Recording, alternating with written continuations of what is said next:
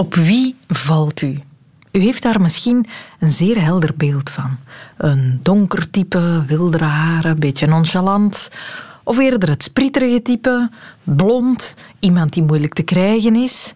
Of u kan het niet omschrijven, maar u weet het wel wanneer u het ziet. Een kledingstijl die je kan bekoren, een guitige lach en plots weet je, ah wel ja.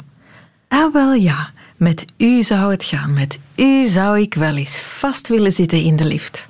Of, allez, een onbewoond eiland. In zo'n lift. Op, allez, ja. Op een bepaald moment moet je toch naar het toilet. Hè? En dat... U snapt wat ik bedoel. Op wie we vallen, daar wil ik het over hebben. Welkom in de wereld van Sophie.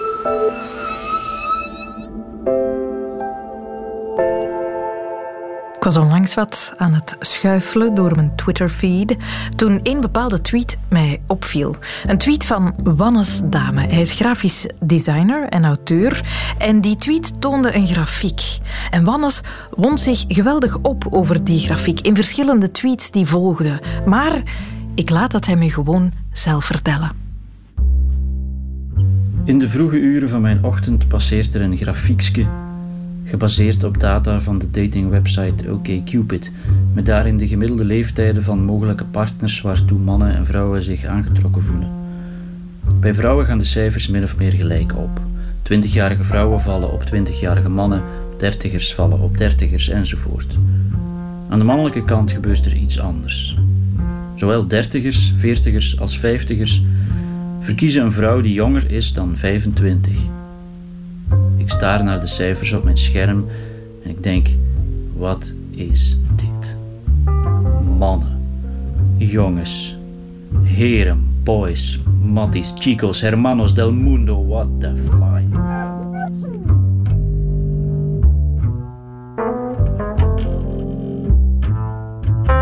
Het grafiekje houdt mij bezig en ik stel een race vragen op Twitter. Jongens, wat, wat is hier aan de hand? Is dit het klassieke gezwans van boys will be boys en zo zijn mannen nu eenmaal? Wat, wat zit hierachter? Waarom gedragen wij ons als pubers? Waarom doen wij alsof jong zijn het summum van aantrekkingskracht is? Waarom willen wij dat vrouwen ons aantrekkelijk blijven vinden tot we dood neervallen? Maar zijn we daar zelf naar vrouwen toe niet toe bereid?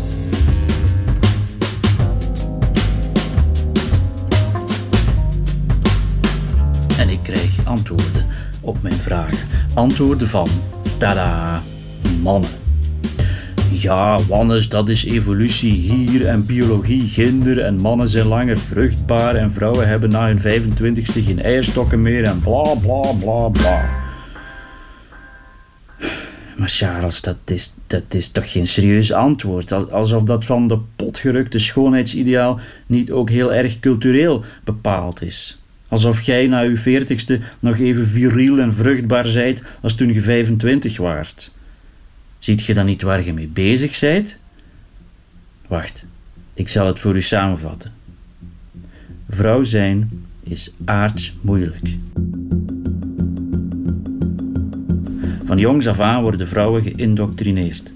Dat ze mooi moeten zijn, dat ze er verzorgd moeten uitzien, dat ze op hun lijn en hun gewicht moeten letten, dat ze moeten glimlachen, dat ze moeten oppassen voor vreemde mannen en oneerbaar voorstellen. Maar vooral dat ze bij voorkeur niet ouder mogen worden. En mannen? Die hoeven zich van al die verwachtingen geen fuck aan te trekken. Meer nog, mannen worden zogezegd alleen maar knapper naarmate ze ouder worden.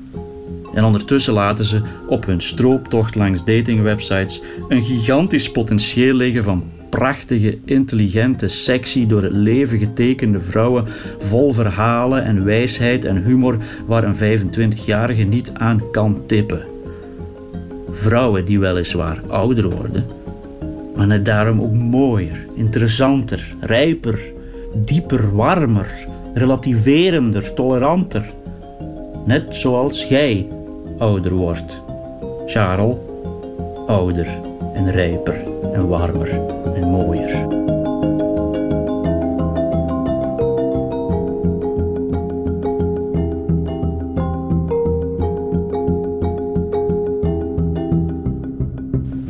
Je mocht mij niet verkeerd begrijpen. Liefde is een heel raar beest en in de grond kunnen leeftijdsverschillen of seksuele voorkeuren mij gestolen worden.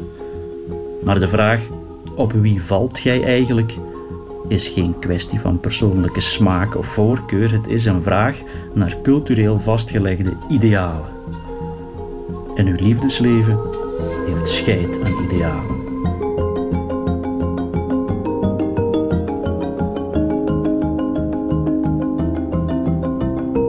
Maar bon. Als je aan mij vraagt, Wannes, op wie valt gij eigenlijk? Zal ik u het volgende zeggen. Ik val op iemand die zot genoeg is om mij als man door het leven te loodsen. Iemand die mij aan mijn oren trekt, tegen mijn kont stampt en als het nodig is met het servies begint te smijten. Iemand die mijn patriarchale privileges bij elkaar pakt en ze buiten zet als de vuilkaar komt. Iemand die mij doet lachen. Iemand die mij doet huilen.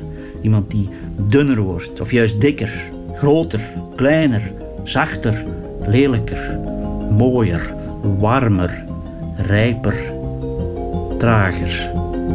Iemand die ouder wordt. Net als ik. Wannes is verontwaardigd. Waarom verwachten mannen hun leven lang aantrekkelijk gevonden te worden, maar schrijven ze vrouwen af op hun 25ste? Wou dat ik daar zelf het antwoord op kon geven, maar dat kan ik niet. Dus heb ik die cijfers aan seksuologe en relatiebemiddelaar Rika Ponet voorgelegd, die zich over die leeftijden totaal niet verbaasde. Wat we weten uit breed onderzoek rond um, gender- en partnerkeuze is effectief dat um, mannen en vrouwen vallen op iemand of kiezen, hebben als preferentie iemand die ongeveer hetzelfde economische potentieel heeft, dezelfde sociale achtergrond heeft. Vrouwen vallen op een leeftijdsgenoot of zouden kiezen voor een leeftijdsgenoot en mannen geven dan op de leeftijd van 25 jaar.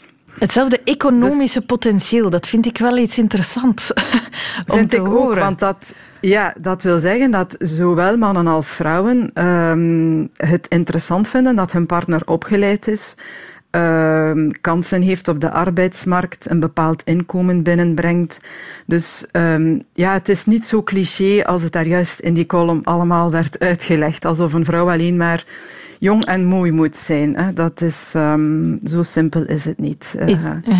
Maar die 25 komt er wel uit naar voren. Dat, uh, dat blijkt voor mannen um, de ideale leeftijd voor een vrouw te zijn. Of, dan vinden mannen een vrouw op haar mooist. We zullen het zo uitdrukken. Of op haar aantrekkelijkst. En dan, Klopt dat dan ook in een keuze? Dat is iets anders. Hè? Uh, een man van 50 of heel veel mannen van 50 zullen misschien wel aangeven, ja, zo'n vrouw van 25, ik vind dat prachtig, maar wil ik daarmee samen zijn? Absoluut niet. Hè? Dat is een meisje dat mijn dochter kan zijn. Uh, ik ga daar ook niet voor vallen, want daar is niet de maturiteit die ik graag heb in een vrouw. Maar als je mij vraagt wat ik het aantrekkelijkst vind, dan is dat inderdaad die vrouw van 25. En dan, dan spreken we over fysieke aantrekking. Dat gaat over meer. Dat, daar zit ook een soort van jeugdigheid. Um, potentieel, vruchtbaarheid zal daar zeker in meespelen. Uh, fysieke aantrekkelijkheid, uiteraard. We leven in een cultuur, maar dat is, ja, dat is universeel, uh, vrees ik, waar um, schoonheid bij een vrouw dan heel vaak uh, ja, ook sterk wordt geassocieerd met jong zijn, hè, rimpelloos vruchtbaar zijn. Dat zijn bepaalde verhoudingen in uw figuur die dan aanwezig zijn. Um, dat gaat ja ook over hormonen en zo. Dus dat zal zeker daarin meespelen. Er zijn toch prachtige maar, vrouwen van 48, Absoluut. 58. En dat zullen, dat zullen de meeste mannen ook zeggen. Laat, laat dit ook de boodschap zijn.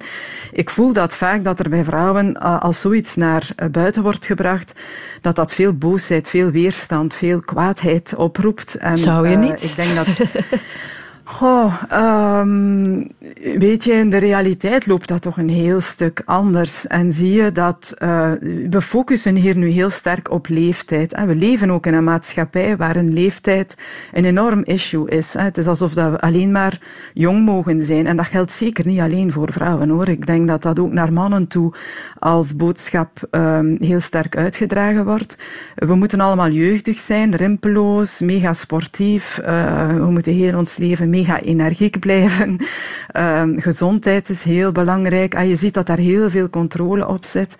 En dat dat een deel is van het mensbeeld dat wij vandaag hebben en van het mensbeeld ja, dat we dan bij gevolg ook nastreven en waarmee we ook succesvol zijn in de maatschappij. Hè? Want daar hangt het heel nauw mee samen. Het gaat niet altijd alleen over ik vind dat aantrekkelijk, maar ook als we een partnerkeuze maken, maken we die niet vrij van de maatschappelijke context waarin we leven. We zoeken ook via onze partnerkeuze een vorm van bevestiging, hè, dat wij het waard zijn, eh, dat wij uh, interessant zijn, dat wij succesvol zijn. En we kijken eigenlijk ook naar onze partnerkeuze door de ogen van die maatschappij, door de ogen van anderen.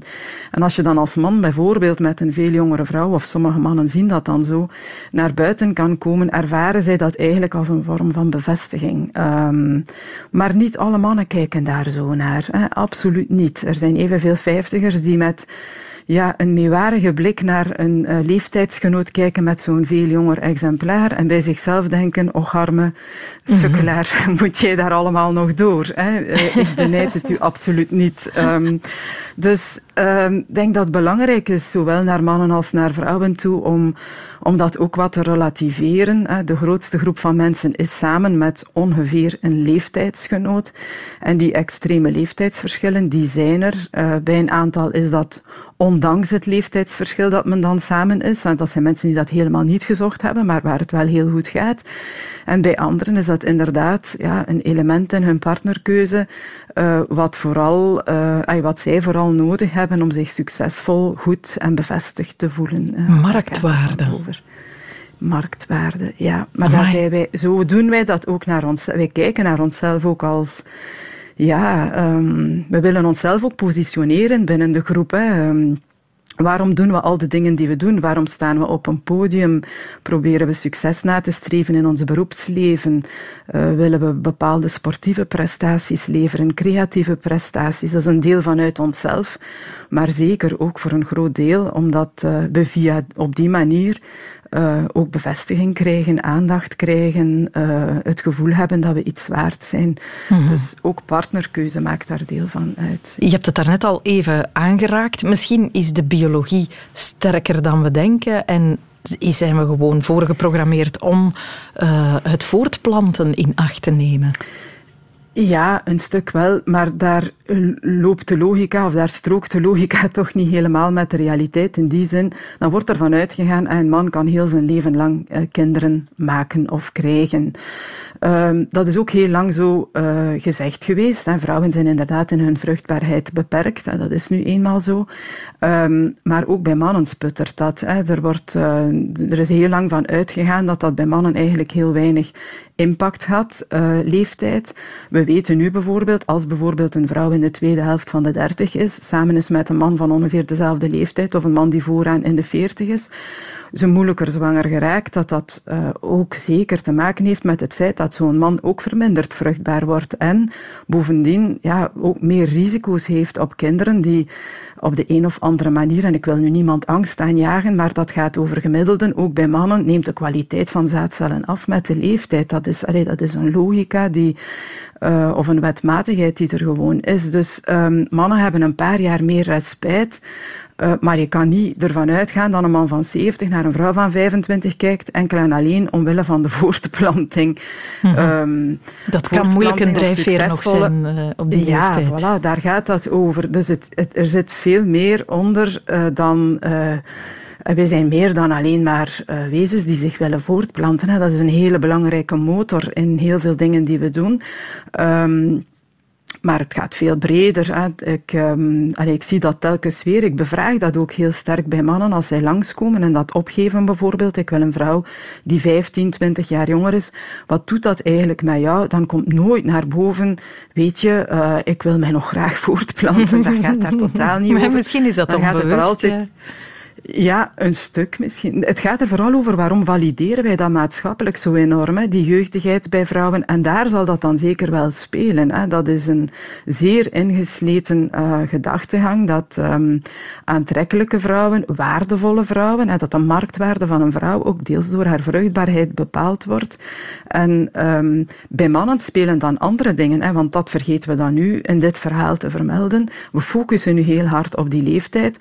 Vrouwen zijn even kritisch naar mannen toe, maar dan op andere domeinen. Hè. Kijk dan naar hoe vrouwen met mannen omgaan die maatschappelijk niet succesvol zijn of um, een, een, beperkt inkomen hebben uh, of ervoor kiezen om huisman te worden. Uh, dat wordt ook niet op applaus onthaald. Dus ah ja, nee, is dat kant, zo? Ja, absoluut. Spelen er, ay, dat is ook allemaal al onderzocht op datingsites. Hè. Vrouwelijke preferenties. Oké, in de statistiek of in de bevraging komt er dan wel naar voren. Ik wil iemand met hetzelfde economisch potentieel. Of mannen hebben dat graag bij vrouwen. Vrouwen willen minstens iemand van hetzelfde economisch potentieel. En heel veel vrouwen kijken nog heel graag op naar een man of vinden het eigenlijk nog altijd belangrijk dat een man ja, zelfs wat meer inkomen heeft of het goed doet. Hè. Uh, dat, uh, dat zal bij vrouwen dan een veel uh, belangrijker element zijn in die partnerkeuze. Blijkt ook op die datingsites. Als een man er gewoon zichzelf op zet als bediende, scoort hij veel minder dan als hij zichzelf als manager voorstelt. -huh. Dat is allemaal ook onderzocht geweest. Dus daar zie je dat die preferenties dat zijn oude dingen, hè?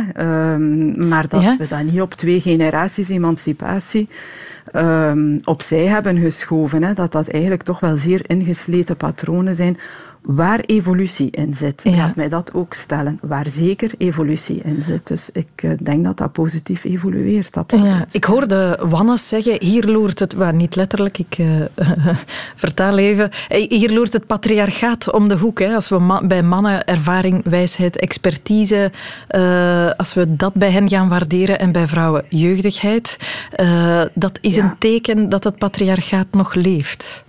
Absoluut. Wat hadden we gedacht? Ja. ja, wat hadden we gedacht? Nogmaals, dat, uh, dat zijn zeer ingesleten dingen uh, waar je niet kan van zeggen, we zijn 20, 30 jaar met uh, doorgedreven emancipatie bezig of met het al maar meer gelijkschakelen van mannelijke en vrouwelijke levenspatronen. Um, je kan niet verwachten dat op zo'n korte tijd uh, iets wat zo fundamenteel is in een mensenleven, uh, dat dat daar volledig uitgaat. Ik ben nog opgegroeid bij een generatie mannen en vrouwen waar er een heel, een heel sterk sprake was van een rollenpatroon. Wat zou je nu willen dat ik daar niets van meedraag in mijn kijk op uh -huh. het mhm. andere geslacht? En uh, dat ik dat ook nog altijd een stuk zal doorgeven uh, aan mijn kinderen, uh, dat is de logica zelf. Dat vraagt dat zit ook tijd. in heel onze cultuur. Dat vraagt tijd. Maar wij zien, ik zie mensen van in de 60, ik zie ook mensen van in de 20. En ik zie dat de geesten van mannen en vrouwen die nu in de 20 zijn, dat die al zeer fundamenteel anders zijn dan die van mannen en vrouwen die vandaag in de 60 zijn. Dat uh, jonge mannen op een heel andere manier al naar vrouwen kijken. En bijvoorbeeld dat economische potentieel van een vrouw, uh, de autonomie van een vrouw, de ontwikkelingsmogelijkheden en uh, de ontwikkelingsinzet van een vrouw heel belangrijk vinden in de aantrekkelijkheid van iemand, wat ik toch een heel positief signaal vind. Mm -hmm. En omgekeerd ook dat al maar meer vrouwen het belangrijk vinden dat een man een heel fundamentele rol in de opvoeding van kinderen zal gaan spelen. Hè, wat dan bij vrouwen die vandaag in de 60 zijn ook een stuk minder aanwezig was. Dus je ziet wel dat die herverdeling van taken of het uh, gelijkwaardig opnemen van een aantal levensopdrachten, dat dat, um, dat, dat zich aan het doorzetten is, absoluut. Ja. Dus, maar dat heeft tijd nodig, ja.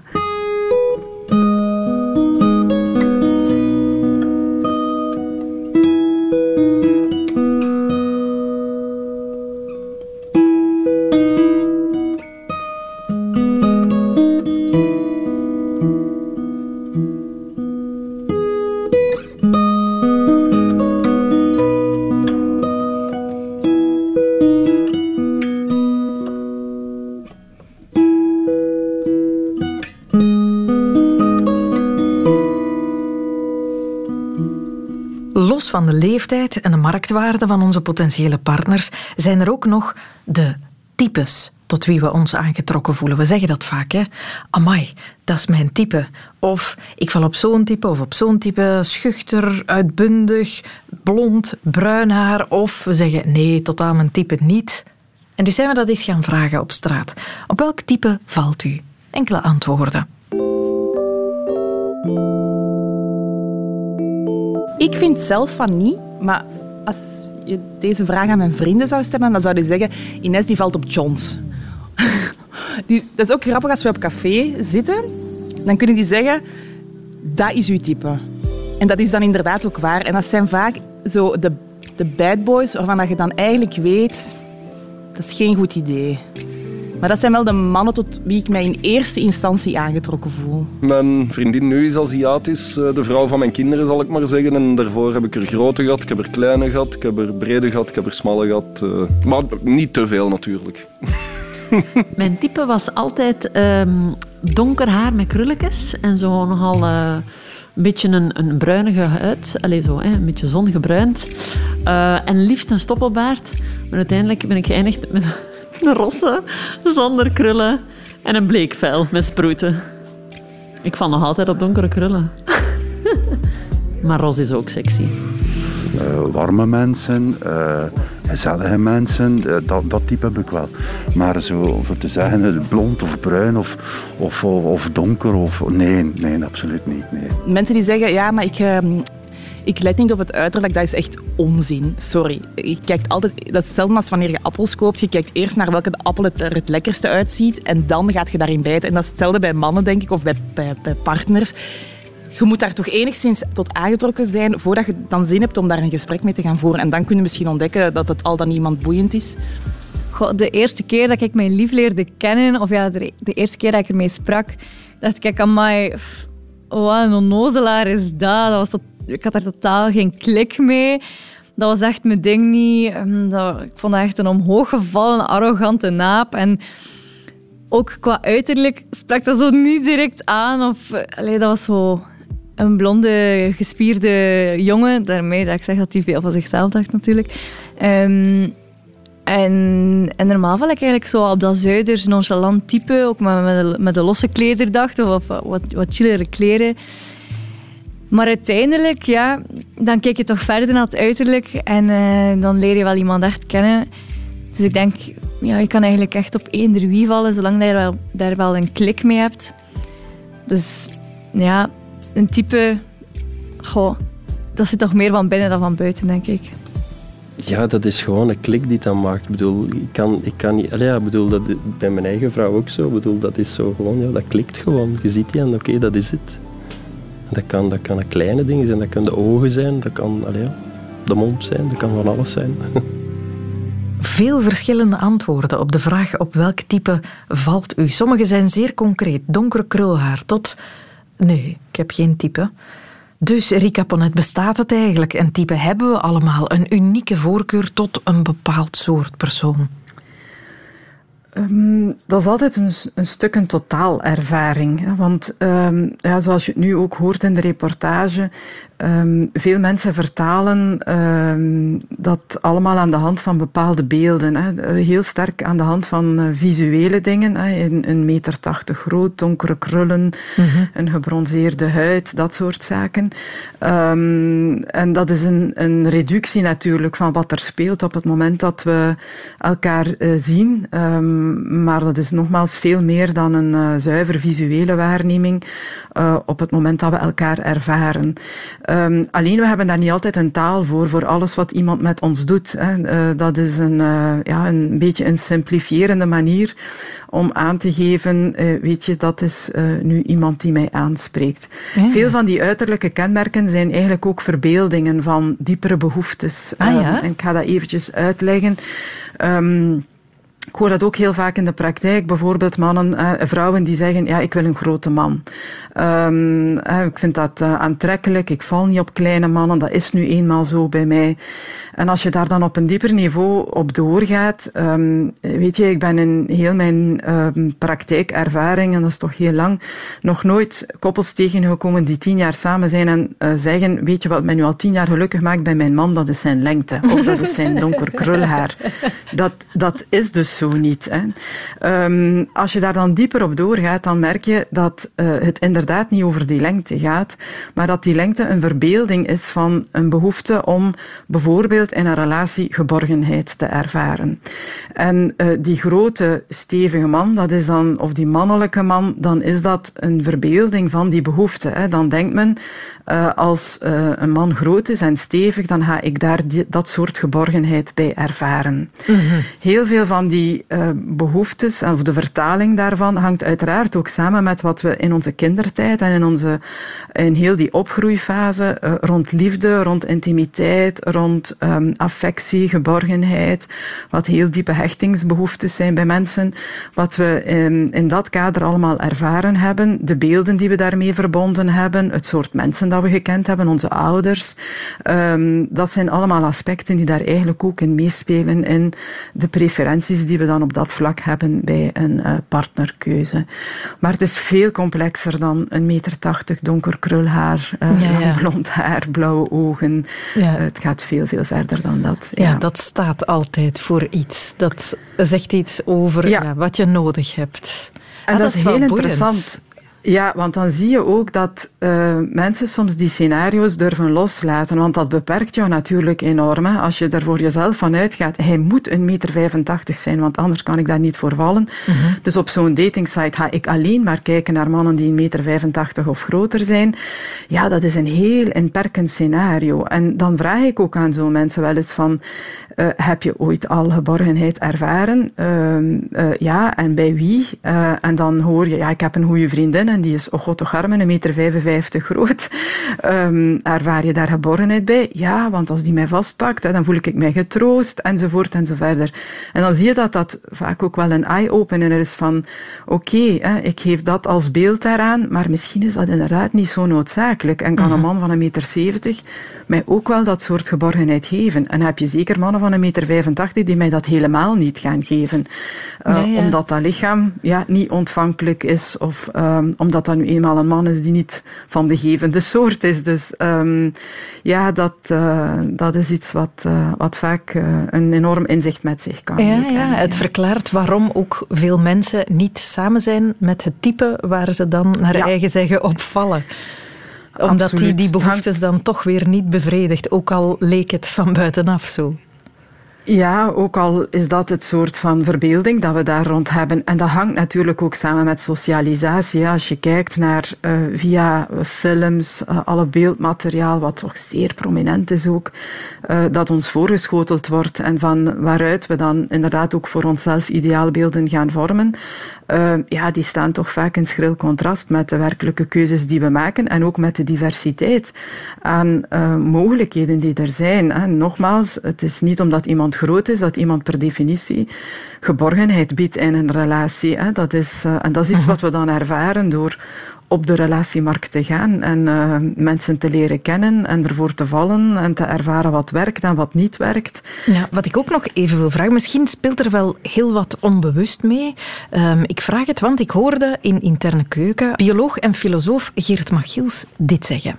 Men heeft dat eerst onderzocht bij, bij muizen en toen bleek dat dus mannetjes en vrouwtjes muizen op elkaar vielen als er een groot verschil was tussen hun beider MHC. En dat is het uh, Major Histocompatibility Complex. Dat heeft iets te maken met uw immuunsysteem. Dat is een teken uh, wat dus blijkbaar ook te ruiken is, voor de diversiteit van uw immuunsysteem. En hoe diverser dat is, hoe beter dat je bestand bent tegen heel veel verschillende soorten Ah ja, want je kinderen aanvallers. krijgen dan heel, een heel sterk en als je dus immuunsysteem. Een, twee partners hebt met, met, een groot verschil in hun MHC, dan, dan krijg je dus in de kinder inderdaad nog een grotere variatie. Ja. En dat is beter voor de... Voor, en dat werkt blijkbaar bij de mensen ook zo.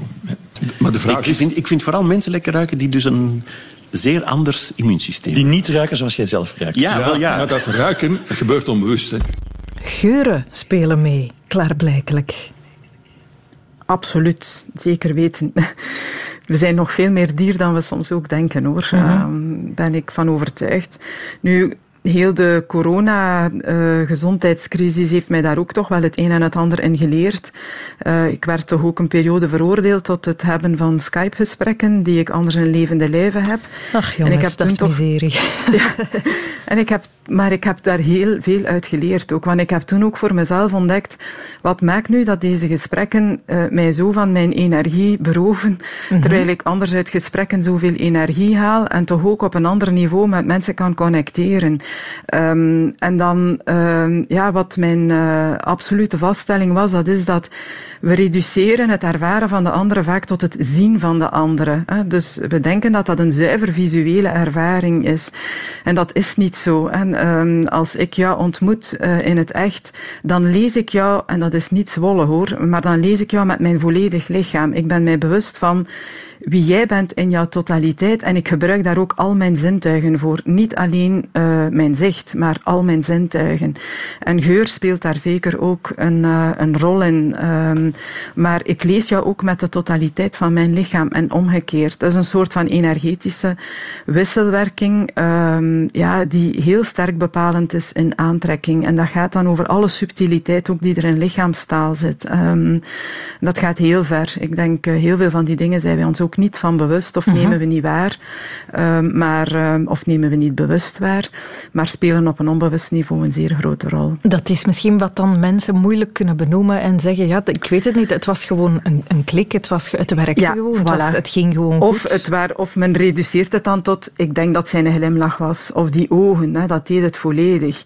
Uh, en dat zal dan waarschijnlijk wel één element zijn dat dan voor jou opvallend geweest is. Maar er hebben veel meer elementen gespeeld op het moment dat je die ervaring hebt. En die totale klik, dat is een vorm van ontvankelijkheid. Dat heb ik al heel vaak ook met mensen besproken.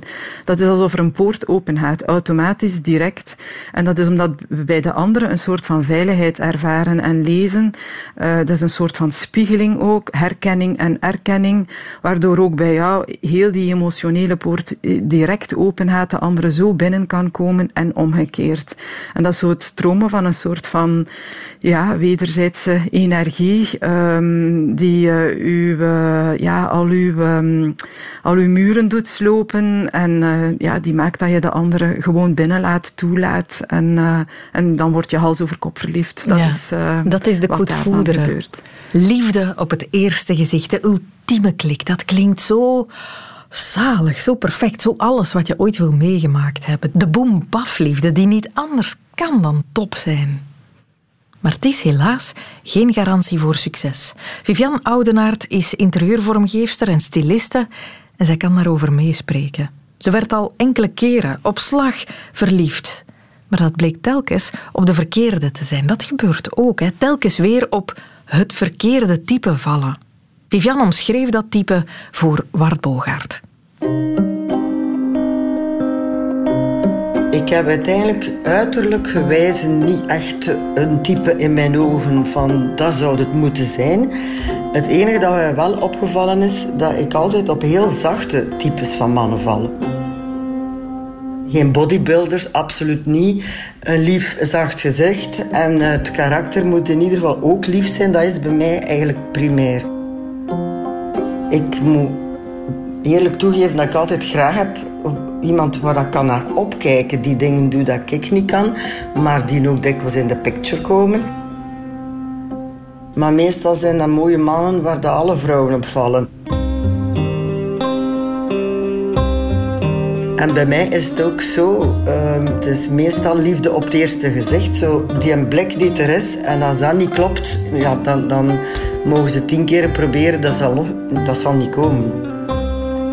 Ik heb ook meestal mannen gehad die een zeer druk zakelijk leven hebben, waar je niet constant overdag kunt uh, naar bellen, omdat die of in de politiek zitten of, um, of eventueel in een akte zitten als notaris of bij klanten boekhouding een bedrijfsrevisor. Dus dat is zo niet. Ik ga een keer even uh, een kusje geven. Dat, dat gaat gewoon niet. Dus sms'en is gemakkelijker, maar dat kun je ook niet weten waar zitten die. En meestal waren de relaties bij mij in de weekends, dus dat, dat ik in de week veel alleen was, maar toch bezig ook s'avonds met werken. En dan ja, dan kun je zo niet controleren. Maar als dat dan uitkomt dat je zegt, je hebt zoveel vertrouwen en dat vertrouwen wordt geschonden, dan is dat heel vlug gedaan. En je zit dan natuurlijk fier dat ze dan op u vallen en dat we dan... Ik merk dat ook niet aan die man. Hè. Dat, dat is gewoon...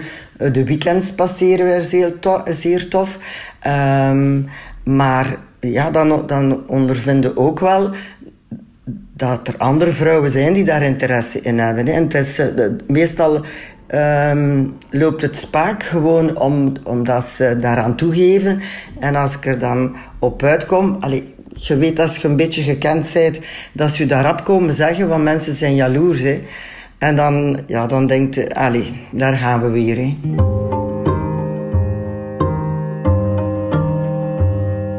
Heb je ook positieve ervaringen, Vivian? Ja, ah, wel, ik heb nu zo'n ervaring al gedurende een viertal maanden.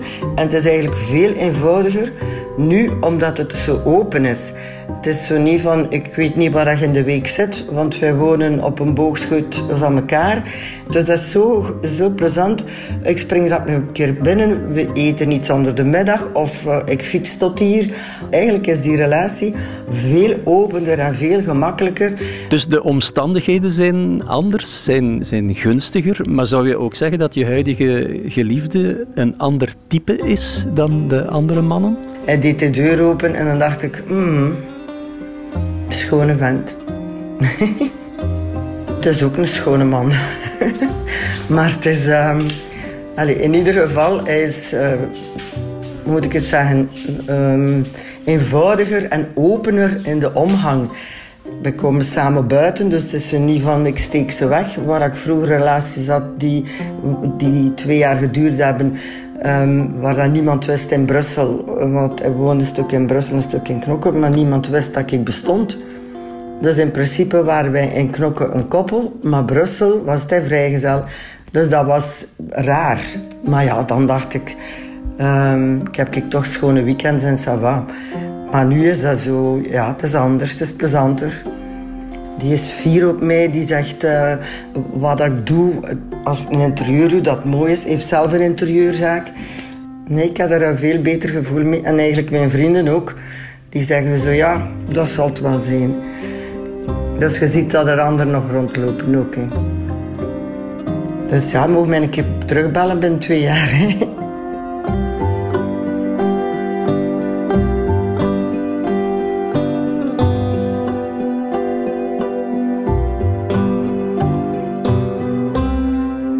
Afspraak binnen twee jaar. Rika Ponet, jij hebt meegeluisterd. Ik vind die getuigenis, eh, dat toont heel mooi aan waar het eigenlijk over gaat.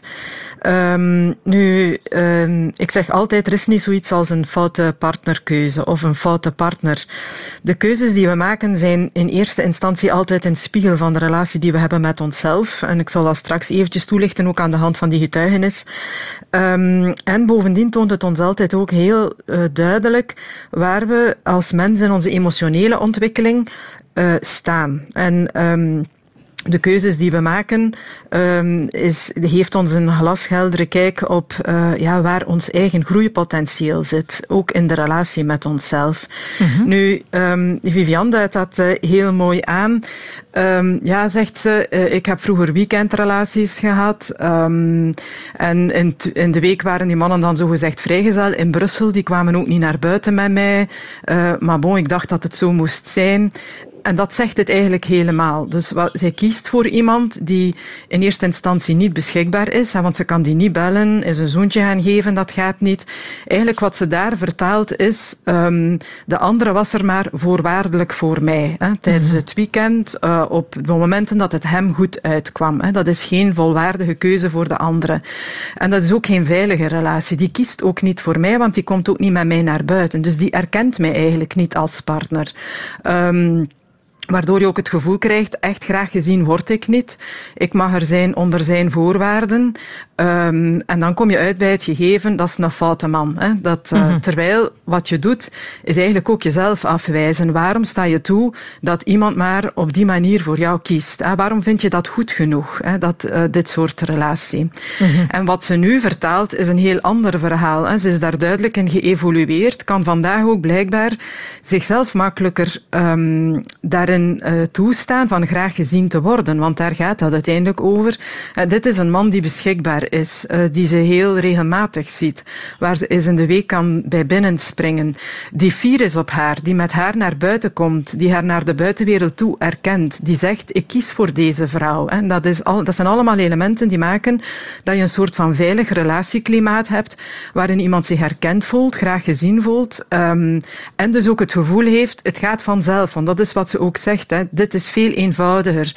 Um, eenvoudig is dat niet. Dit gaat erover dat dat twee mensen zijn die echt voor elkaar kiezen, mm. naar buiten komen, elkaar daarin erkennen en van daaruit, dat je vanuit die veilige uh, verbintenis, vanuit die veilige haven die die relatie dan is, iets uitbouwen. In ja. die vorige verhalen ging dat erover, jij past in mijn kraam op de momenten dat het mij uitkomt en voor de rest ben ik eigenlijk niet bezig met jouw behoeftes. Ik ben alleen bezig met mijn behoeftes. Ja. Maar het feit dat je dat toelaat, dat je dat toestaat, is vaak omdat je ook dynamieken herhaalt, nogmaals vanuit uw kindertijd, jeugdjaren, waarin je ook thuis bijvoorbeeld het gevoel kreeg ik mag er zijn op voorwaarden. Of mijn papa werkt heel de tijd en als ik een goed rapport heb, dan maakt hij even tijd voor mij. Dat soort gevoel. Hè? Ja, en ja. alle andere momenten is hij aan het werk. Of alle patiënten kwamen bij mijn papa altijd voor. Ik heb al mensen gehad die mij getuigden. Uh, als ik mijn vader wou spreken, dan moest ik in de wachtzaal gaan zitten met zijn patiënten. Echt oh, gehoord, hè? meer wow. dan eens. Ja. ja. dus dat je ziet, ja, wat voor gevoel ontstaat er dan bij jou? Dat je eigenlijk in een relatie liefde, aandacht, dat je dat moet verdienen. Hè? Dat je daar keihard moet voor werken. En ook um, dat je dat eigenlijk niet mag verwachten bijna, dat de andere op die manier voor jou kiest. Wat jou een heel onvoldaan gevoel heeft, wat logisch is, dat is geen veilige relatie. Als jij maar in de rij komt met de rest van de patiënten, wat is jouw betekenis dan? Ja, ja. En dat is de groei, dat is de mooie groei die zij wel doorgemaakt heeft. En je ziet ook op late leeftijd kan je dat alsnog doen. En dat is ook het hoopvolle, vind ik, aan relaties de ene relatie brengt jou naar de andere relatie. Je, je, ontwikkelt je ook emotioneel en je kan op een later moment in je leven ook voor jezelf niet zozeer de juiste man tegenkomen, maar een betere partnerkeuze maken. Daar ja, gaat het ja. over. Betekent dat dan ook dat je op bepaalde momenten in je leven eigenlijk beter geen partner hebt? Um, dat, soms is dat zo, omdat je dan aan het herstellen bent van vorige destructieve, moeilijke ervaringen. Ook mm -hmm. een stukje zelf nog uh, uh, kan en moet ontdekken. Maar wat ik ook heel vaak vaststel, is dat mensen toch het sterkst uh, evolueren, zich ontplooien uh, door samen te zijn met iemand en door daar telkens opnieuw ook mee geconfronteerd te worden. Um, uh, eigenlijk groei je toch vanuit de interactie met anderen. Ik denk dat dat um, ja, de belangrijkste en de sterkste motor is um, als we dat ontwikkelingspsychologisch bekijken. maar sommige periodes in je leven, uh, ik hoor dat ook van mensen, is dat heel belangrijk om niet telkens opnieuw bijvoorbeeld in relaties te vervallen uh, waarin je jezelf heel ondergeschikt maakt. Um, dat zijn zo mensen die eigenlijk van de ene relatie in de andere hoppen, nooit het gevoel hebben van op eigen benen te kunnen staan. En als zo iemand dan eens een periode alleen is en ervaart, eigenlijk kan ik dat wel alleen zijn, dan maken die zich in een volgende relatie bijvoorbeeld minder relatieafhankelijk of gaan ze zich minder afhankelijk of pleasend of aanpassend gedragen. Dus voor sommige mensen is een periode is alleen leven en ervaren wat autonomie is zeker een leerrijke ervaring. Ja, ja. En dus een foute partnerkeuze. Ja, het, het is eigenlijk goed in de zin dat het je helpt om te leren wat je nodig hebt, wat je behoeftes zijn ja. en hoe je zelf op zoek gaat naar liefde. Ja, absoluut. En vooral, het is altijd weer een spiegel als het niet werkt met iemand. Ja, welke behoeftes worden hier niet ingevuld? Wat doet mij nu pijn? Wat zorgt ervoor dat ik ongelukkig ben in deze relatie? Dat ik mij afgewezen voel? Dat ik mij niet compleet voel? Dat ik zo vaak verdrietig ben of eenzaam ben? Um, en dan is het, um, ja, dan is het ook de sleutel van te kijken waarom kies ik voor deze man? Hè? Wat bestendigt dit in mijn leven als patroon? Of zie ik daar een patroon in? Um, en dat is veel interessanter dan het altijd bij de anderen te leggen. Want ik hoor dat vandaag zeer vaak. Hè? Ah, mijn ex was een narcist of een autist. Hè? En daardoor dit en dat en dat. De clue is van na te denken over waarom ben ik op die narcisten altijd gevallen? Hè? Dat ja. hij narcist is, oké, okay, ik wil je daar gerust in volgen. Maar het is veel interessanter om te kijken wat heeft gemaakt dat ik daar eigenlijk voor gevallen ben. En wat zegt dat over over mezelf en ook over de relatie die ik heb met mezelf. Want heel vaak zie je ja, dat je ook er zelf van overtuigd bent dat je niet liefdeswaardig bent. Hè? Dat je geen betere partner verdient dan deze. Hè? Omdat je nu eenmaal een vader had die ook vond dat je niet meer verdiende dan wat je van hem kreeg. Hè? Terwijl je veel meer nodig hebt of, om gelukkig te zijn. Dus, um, en in die zin is dat altijd opnieuw ook weer... Um, een manier om, om nou naar zelfgroei te gaan en te kijken hoe verhoud ik mij tot mezelf. Want dat is altijd de start van alles hoor. Hoe graag zie ik mezelf? Durf ik opkomen voor wat ik nodig heb in een relatie? Durf ik relaties waarin dat, dat niet aanwezig is, durf ik daar afscheid van te nemen? Um, ja, durf ik, uh, durf ik ook liefde toe te laten? Want dat is ook een deel soms van het verhaal. En men valt altijd voor bad boys. En als men een goeie tegenkomt, dan wil men hem niet. Hè? Of dan wil men hem niet. Of men vindt hem niet aantrekkelijk. Dan is dat altijd ook omdat je in die ontwikkeling nog niet echt dat kunt toelaten. Hè? Dat je, het is alsof je jezelf nog niet gunt van graag gezien te worden. Dat je eerst nog eens door een paar van die foute mannen doorheen moet. Dus, ja, ja, ja. Um, maar ja. In, in dat opzicht zou het beter zijn mochten we allemaal verschillende partners ooit gehad hebben voor we echt een keuze maken van en met jou ga ik nu voort.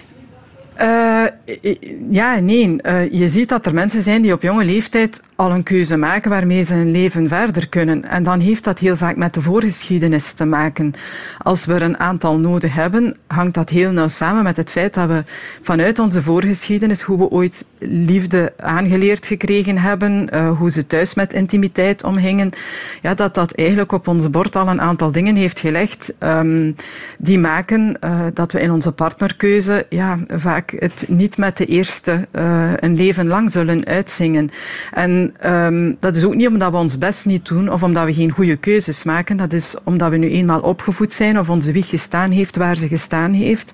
En we wat meer tijd nodig hebben om voor onszelf daarin tot mm -hmm. uh, betere keuzes te komen. Maar bij sommige mensen, ja, sommigen zijn in de twintig en maken eigenlijk voor zichzelf een zeer geschikte partnerkeuze en slagen er ook in om daar een leven lang. Ja. En nog dat slagen is misschien al een fout woord, hè, mm -hmm. uh, omdat bij hen de basis anders zat. Um, uh, lukt het ook makkelijker om daarin voor zichzelf ook goede keuzes ja, te maken. Daar zou je nu toch 16 dagen aan een stuk mee kunnen praten hè, met Rika Ponet. Als je er niet genoeg van krijgt, kan je altijd in haar boeken meer te weten komen. Blijf bij mij en alleen met jou, zo heten die aanraders.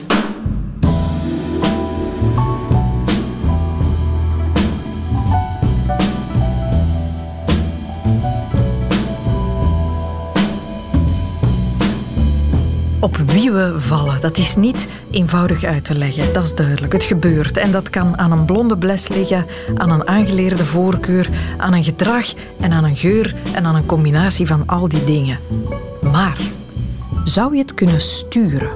Zou je aantrekkingskracht kunnen creëren of bevorderen? De Amerikaanse psycholoog Arthur Aaron meent van wel, aan de hand van 36 vragen. 36 vragen die twee personen samen moeten beantwoorden. Vragen die heel veel openheid vereisen om ze te beantwoorden. En het idee is dat je door elkaar zo intiem te leren kennen, door jezelf zo kwetsbaar op te stellen, dat je tot elkaar aangetrokken kan geraken. Of zelfs verliefd worden. Dat moesten we testen. En dus trok reporter Brecht met de hele vragenlijst naar Stefanie Korevits, die u misschien wel kent van haar werk als televisiepresentatrice, maar die in de eerste plaats ook kinderpsychologe is en auteur van onder meer de romantische komedie en de handleiding voor de single. En wij mogen daarbij zijn. Is dit nu een date? Ik denk het niet. Ik denk dat het een interview is in de eerste plaats. Met een uh, ex-single? Uh, ja, single. Single toch? Ah ja. Dan, dan is er mogelijkheid tot liefde. dat is er altijd, zeker. Ik denk als je ervoor open staat, wel, ja. ja. Meestal um, begint dat dan met zo... Uh, drink je iets? Uh... Ja, ik zou wel iets drinken. ja. Um, witwijn, alstublieft. Witwijn? Ja. Uh, Stefanie, ik heb een, een, lijst die echt gevaarlijk is. 36 vragen. Oké. Okay. Um, stel dat je gelijk wie in de wereld kan kiezen. Ja. Wie zou je dan echt als date willen? Alex Turner van Arctic Monkeys. Dat ging wel heel snel. ja, ja. Al lang over nagedacht. Ah, ja. Mijn ervaring met BV's of helden, zal ik ze noemen, ja, is, is, is, meestal, ja, is meestal teleurstelling. Nee? Dat is waar, maar het is zodanig hypothetisch. Het is niet dat ik denk dat dat binnen, uh, dat dat binnen de mogelijkheden valt, absoluut niet. Tweede vraag dan maar. Oké. Okay. zou je graag beroemd zijn? En op welke manier? Nee, nee, ik denk dat niet. Ik denk niet dat ik beroemd wil zijn. Zou je graag herkend worden op straat? Want misschien gebeurt dat nu al. Dat gebeurde vroeger soms, omdat ik zo een tijdje, ehm, zo na hobbykook, ik heb meegedaan aan een reality kookprogramma een paar jaar geleden. En dan gebeurde dat wel, eh, naar de finale toe en ook met de slimste mens. Het is echt wel iets dat met televisie komt. Hè. Ze hebben nu gezien en, en Ik heb ook wel zo'n bepaalde radiostem dat ik heel interessant vind en leuk vind. Sophie bijvoorbeeld. Ik vind dat hij ehm, ja, een prachtige stem heeft en dat hij heel slim en grappig is. Dus ehm, ik denk dat dat ook kan via de radio. Ik had wel een beetje een girl crush op eh, Sophie wel. een girl crush. ja. Ehm, en nu we dan toch over radiomakers bezig zijn. eh, Boy crushes of man crushes? Of, eh, nee, niet bepaald. Nee, niet direct. Jij Volgende wel? vraag, volgende vraag. maar moet jij de vraag niet beantwoorden? hè? Inderdaad. Maar wil je graag beroemd zijn? Ik wil niet graag beroemd zijn. Ik vind het vreselijk om herkend te worden op straat, eigenlijk al. Mhm. ik, zal, ik zal zelfs meer zeggen, als ik op een terras zit, zoals nu, eh, en men spreekt me aan als oh, die man van de radio, dan kruip ik in elkaar. Dan denk ik, nee, ik zit hier net om het daar niet over te hebben. Eén, dus het zou mij vreselijk lijken om gelijk waar ik op straat rondloop, geconfronteerd te worden met die ene keer dat ik op tv of... of Ja. voilà. Vraag drie. Voor je een telefoontje doet, eh, repeteer jij wat je gaat zeggen? Vroeger deed ik dat wel, omdat ik vroeger heel, heel verlegen was en ik, ik had een beetje sociale angst. Dus ik vond dat heel stresserend om met iemand te bellen dat ik niet zag of dat ik niet kende. Dus dan ging ik dat wel doen. Maar nu ben ik erover en nu doe ik dat eigenlijk niet. Ik heb dat nooit gehad. Ik improviseer van A tot Z, alles. Ik heb nu voor één keer een vragenlijst wel. Ja, Maar het is van moeten, want ik had het liever zonder gedaan. Ja. Oké. Maar niet alle meisjes vallen op de chaos die dat... eh, eh, Ja, maar is dat dan wel een meisje voor u als ze daar dan niet voor valt? En als chaos een inherent onderdeel is van wie dat jij bent en zij kan er helemaal niet tegen, dan past ze misschien ook niet goed bij u. het klinkt meer en meer als een therapiegesprek, maar... Ik ben psycholoog. Ja, ja. Ehm, en ik ben een interviewer, dus dit wordt toch iets raars, want ik krijg vraag op vragen en vraag stelt vraag. Ja. Vind je het erg, de vragen tot nu toe? Nee, nee, doe maar. Vraag maar. Is dit een ideale date? Zijn we goed bezig? Hè? Ik, ik vind het interessant. Mochten nu nog spontaan komen die vragen, hè, dan zou het echt zijn. Maar oké. Wanneer zong je laatst eh, met jezelf staat hier, ja? eh, of Ik zing elke voor dag. iemand? Voor iemand, dat wil niemand horen. Echt niemand, dus probeer dat zoveel mogelijk te vermijden om voor iemand te zingen. Mhm. Maar ik zing elke dag wel in mijn auto of in mezelf of als ik op de fiets zit. Ik heb altijd, er staat ook altijd muziek op overal, dus eh, elke dag. En hoe krijg je dat te horen? eh? Dat wilt je niet horen, geloof me. Wilt dat echt niet Ja, horen. maar als niemand dat ooit hoort, dan... Nee, nee, maar geloof me. Er zijn mensen dat al hoort en er staat weinig bovenop. Dus, eh, nee. Nou, ik zing wel vaker. Maar ik zie, ik zie ook in alles muziek. Allee, ik, zou, ik zou dit interview kunnen zingen ook, denk ik. Ik weet niet of het goed wordt, hè, maar, maar... Ja, maar amateur, ik ben amateur, hè. pas op. Hè. Ja. Dat werkt wel op dates, hè. zo uitpakken met ik speel gitaar, denkt u niet? Goh, er zijn zoveel mensen die gitaar spelen. Change your heart. Look around you. Noem drie dingen eh, waar ik en jij eh, in overeenkomen, wat wij gelijk hebben. Ik heb al één genoemd, hè, destructief. We zijn wel een beetje destructief, denk Ja, ik. eh, levensgenieters. Ja, Ja. onder het motto van... Creatief, ergens ook wel, denk ik. Als jij muziek maakt en ik schrijf, dan, eh, dan is dat dat wel. Ehm, en onze roots, denk ik dan ook. Oei, ja. Ja, ze zijn blijkbaar van Kortrijk ook. Ja, ja, dat kan ik niet aan doen natuurlijk. Ja, dat is nee. Vlaamse roots, dus dat maakt ook dat je een bepaald type mens bent, denk ik. Is dat, is dat scoren nu? Ja, op de date? ik ben Ah, een grote fan van West-Vlaanderen. Ik moet de mentaal Absoluut. aanpassen ook. eh. De, ja, ik Want vind ik- meer de mentaliteit van een West-Vlaming, ah nee, denk ik wel echt ehm, zeer aangenaam. Ja. Aantrekkelijk. Als jij dat zo wilt noemen, ja. Staat erop. Ja. Stefanie, waar ben jij in het leven het meest dankbaar voor? Voor mijn familie. Ja? Ja. Ik heb een hele, hele goede band met mijn zussen en mijn broer. Ik zie die ook liever dan wie dan ook. We horen elkaar wel iedere dag. Zo'n WhatsApp-groepje, dus we gaan iedere dag wel Ja. Ja, eh, dingen nee. sturen naar elkaar. En, en waar ben jij dan het meest dankbaar voor? Ik heb een WhatsApp-groepje met mijn kinderen. Uh-huh. Voor uw kinderen ben je het meest dankbaar. Tot op heden wel, ja, want dat is niet evident. Hè. Drie gezonde, eh, gelukkige... kinderen. ja, eh, leuke, absoluut. Ehm, toch altijd zo'n spannende zaak. Mm. En ik zei, ja, maar ik zei tot voor kort eh, dat ik het gelukkigst was met mijn eh, relatie en met mijn huisje. Oei. Alle twee iets van de laatste vijf jaar. Ja. Maar eh, ja, die relatie is inderdaad nu... Dus het is mijn huis nog. Mijn huis, daar ben ik ook wel heel blij om. Het huis heb je nog. En elke keer als ik die straat binnendraai, denk ik... Oh, Ja, dat is thuis. wel- Ja, dat is wel echt een goeie. Maar dat is hetzelfde gevoel dat je hebt als je een goede, in een goede relatie zit en je, je zit op café, je kijkt naar je lief en denkt, oh, Dat is waar. ja. Dat is waar. Change your heart. It will astound you. Ik heb altijd geleerd om niet te veel te, te leuteren over exen op dates. Ja, nee, ik denk dat inderdaad dat dat ook geen goeie is. Dat is wel waar. Iemand die... eh, Ben ik nu meer dan, dan jij bezig over uw ex? Ja, ik denk het wel. Hè? Denk het wel, ja. Ik ben, ja, sorry daarvoor. Maar nee, dat is niet- dat is oké, Volgende dat is vraag. ja. Volgende vraag. Nu ga ik eens eerst antwoorden. Ik weet niet waarom, maar Oké. Wat, eh, wat betekent vriendschap voor u? Volgens mij heb jij meer vrienden dan ik. Want ehm, voor mij betekent vriendschap vooral dat je niet de druk voelt van te moeten, moeten. We moeten elkaar zien. Dus een vriend is, iets, is iemand die je maar echt na acht jaar gewoon kan terugzien en als het ware de draad opneemt. Nee, maar ik voel dat wel. Ik vind ook eh, dat moeten. En eh, ik praat niet meer tegen u omdat je geen berichtje hebt gestuurd op mijn verjaardag. Ja, dan ben ik een zeer slechte vriendin, want ik vergeet van iedereen zijn verjaardag. Dus dat duurt wel even tegen dat ik iemand beschouw als een zeer goede vriend. Ah ja. Ja. Ben ik op weg of... eh, We zitten helemaal in het beginstadium. maar is dit nu een aanpak voor een goede date? Want jij bent een beetje specialist ook, hè? In het daten. Och, nee. Maar, Of ga ik te snel maar ik vind het wel verrassend dat je met die vragen wel heel snel heel veel te weten komt over iemand. En ik denk dat dat ergens ook wel een, een, een band schept. Of dat, dat, dat je dat normaal gezien niet hebt op een gewone eerste date. Ja, het type vraag dat je stelt maakt wel dat je ook wel over, over jezelf echt spreekt. En niet over oppervlakkig. De eerste date is denk ik vaak zo'n soort van sollicitatiegesprek. Waar woonde, waar gaan naartoe, wat werkte, wat zijn je hobby's. Dus, eh, en nu met die vraag, ik denk dat dat misschien wel iets is dat mensen kunnen gebruiken als ze zo'n echt goede date willen. Ik heb 36 vragen die u verliefd gaan doen worden. Is dat een, is dat, is dat een goede openingszin? Ja, dat denk ik wel. Ik denk wel? het wel, ja. Ja, Dan doe ik verder. Het zijn er niet zoveel meer. Wanneer heb je voor het laatst gehuild voor iemand? dat was denk ik toen dat uit was met mijn lief. Ja. Ik ben aan het denken, ik heb het onlangs gedaan en het was een nummertje dat, dat echt, het was muziek.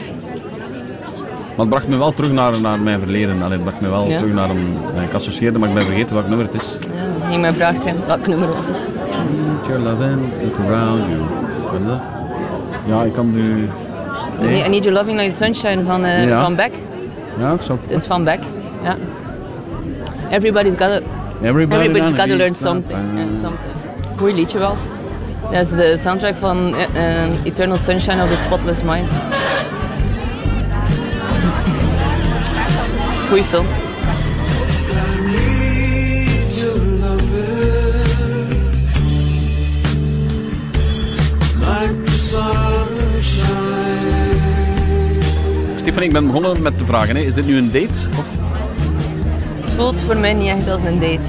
Want ik heb nog niet getrakteerd? Of? Ja, maar jawel, jawel. Waarvoor dank trouwens. Maar eh, nee, als je met twee micro's in je gezicht zit, dan is het niet echt een date, denk ik. We zitten, dacht ik, ook al heel de tijd een beetje dicht bij elkaar. Ook, hè. Zitten wij nu in een bubbel al? Nee. Ik ben selectief in mijn bubbel. Ja. Maar Is, is het opgevallen dat de vragen niet meer van de lijst komen? Ja. ja. Merci. Nou, dan komt het drankje. Santé trouwens. Dankjewel.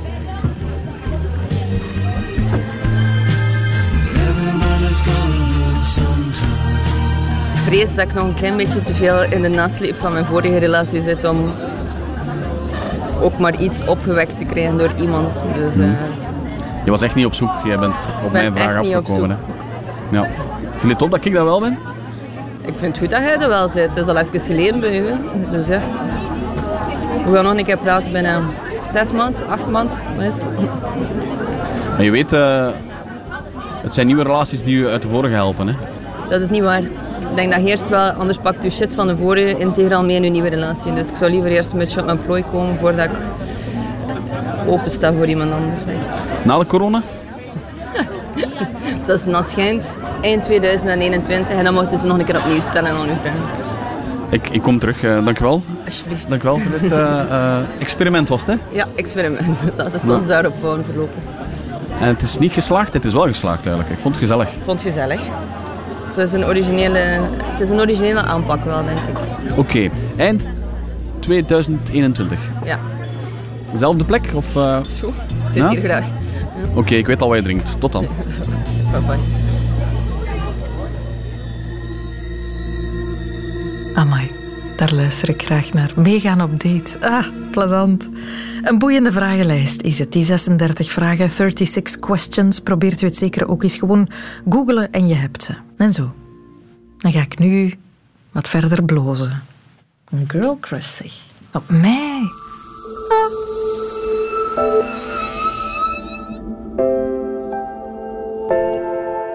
Dit was de wereld van Sophie over de wetten van de aantrekking, die toch heel wat minder helder en algemeen toepasbaar zijn dan je zou denken. Meer horen, dat kan elke werkdag tussen 10 en 12 op Radio 1 of volgende vrijdag in een nieuwe podcast.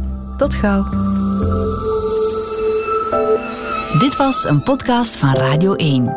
Ontdek nog meer podcasts van Radio 1 in onze app en op radio1.be. Radio 1. Altijd benieuwd.